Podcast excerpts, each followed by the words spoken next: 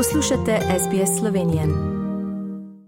Nadaljujemo današnjo slovensko oddajo na radiju SBS širom Avstralije in po svetu.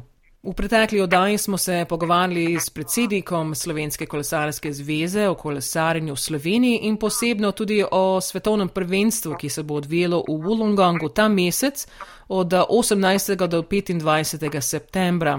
Prihaja kar številčna skupina iz Slovenije, med njimi tudi velika mena v svetovnem merilu.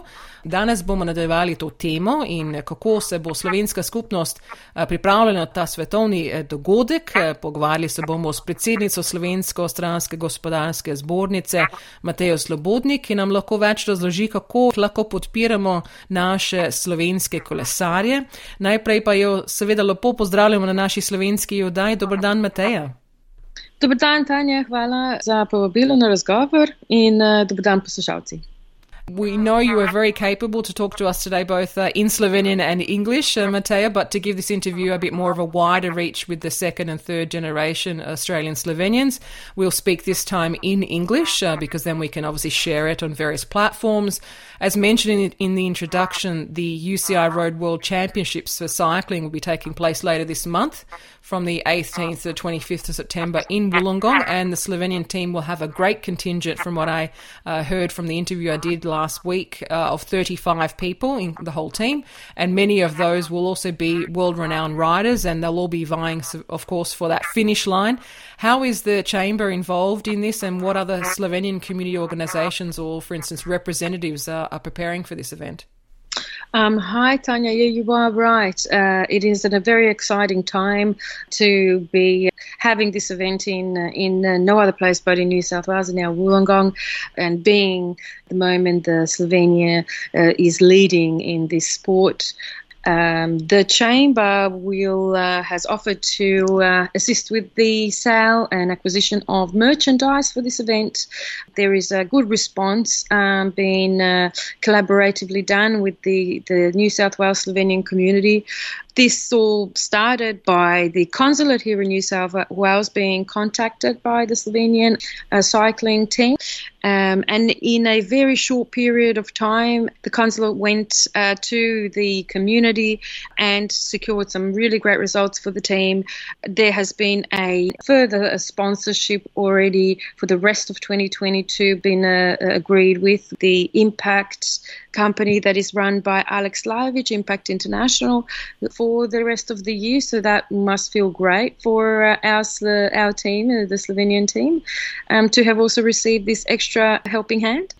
Mr. Walter Šubar is coordinating um, a potential meet and ride now, the dates and the location for this are still a little bit up in the air uh, because we do uh, we are working in quite a fast-paced um, uh, mode at the moment. There, we don't have much time to put this all together, so I can't actually share the exact uh, date with uh, with you today.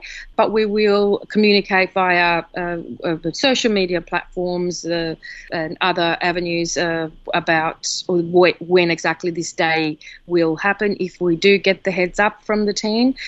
Sounds like uh, there's some uh, a lot of things being uh, starting to get organised. Uh, obviously, from that short time frame that we have, um, the race races go for seven to eight days between the 18th to the 25th. Is there a plan to have people gather, for instance, from the from the local Australian Slovenian community to be able to, let's say, support the Slovenian riders somewhere with, let's say, flags or banners or merchandise? Absolutely, absolutely. So we are preparing uh, and, and, discussing to have vantage points around the track. At the moment, uh, we're talking about at least one, but potentially two beyond the hill and potentially close to Planica Club. And of course, obviously, if anyone else would like to stand at the start or finish line, obviously that probably would be a good uh, good place, obviously, to bring those big uh, Slovenian flags along to, to cheer the riders as well. Absolutely, absolutely. Um, there has also been some mention about how much this actually helps the riders, um, especially when they're a bit at the end of either their own um, energy or just a bit struggling up that hill. And just that extra wave can really support them and give them that extra little energy kick to get them up the hill and finish the race. And there are a couple of uh, main, uh, let's say, race days. I mean, the, the first one being the 18th, which is the time trials for the men's and ladies. And then also on the 24th is the elite race for the ladies, and the 25th, the men's elite race. The idea, from what I understand, is that the, the main support day would be on the Sunday, the 25th, um, for the men's elite race. So we're looking to have as many people as possible available on that day there to, to cheer them on. Absolutely right. Both those races will start in Helensburgh.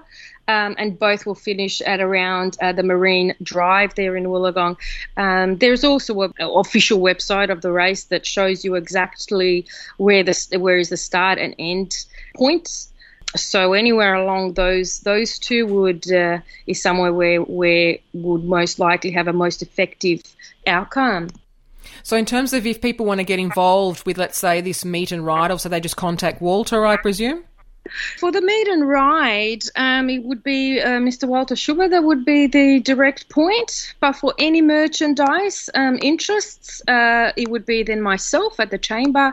Uh, I'm available for any other ideas that uh, if people want to get involved or or discuss any potential sponsorship in addition to what's out there, uh, we can also f- facilitate to uh, to have those discussions and to communicate that across to the team as well.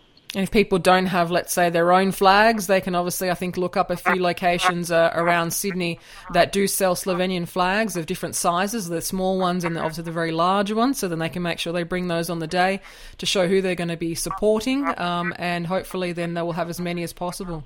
Absolutely, that's right. That's right. And hopefully, our um, newcomers from Slovenia that have recently moved to Australia will find this a wonderful opportunity to come along, introduce themselves, meet the Slovenia community, um, make some new friends, and just enjoy a little bit of, you know, home away from home um, at this end, especially on such an exciting time where uh, we will have some really elite Slovene athletes um, present.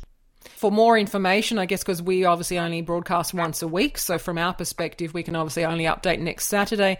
But for any other information, obviously updated can be obviously via all the social media channels, uh, particularly on Facebook, particularly on let's say SBS Slovenian, the Voice of Slovenian Australians, Slovenians in Australia, and obviously the Chamber of Commerce as well.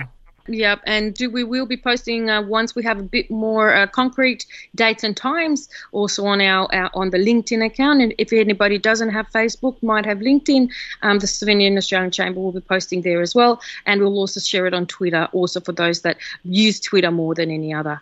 There should be at some form um, information out there. Great. So, for anyone that's listening, if their children or grandchildren would like to get involved, um, maybe they're not listening to this, let them know where to go and find information and to contact people if they want to get involved. Mateja, predsednica Slovensko-Ostranske gospodarske zbornice, hvala za današnji pogovor in seveda želimo veliko uspeha s tem organiziranjem, seveda tisti, ki bi se radi pridružili svetovnega prvenstva v kolesarjenju v Wollongongu, v eni izmed oblik, pa naj vas kontaktirajo ali Valterja Šubarja za več informacij ali tudi poglede na omenjene spletne strani ali Facebook skupin in če bomo seveda imeli kaj več informacij, novih informacij, bo, se bomo slišali naslednji oddaj. Seveda, hvala lepa, Tanja. Eh, hvala še enkrat vam, radiju, našemu vajskonsulu Marksa Riha, ki se je zelo trudil za ta event, tudi, kakor tudi eh, Walter in še število drugih. Um, upamo, da se bomo kmalo tudi osebno videli na eventu, pa se še kaj mal več lahko pogovorili tudi takrat. Hvala lepa in lep pozdrav. Želite slišati sorodne zgodbe? Prisluhnite jim preko Apple ali Google podcasta, preko aplikacije Spotify ali kjerkoli drugje.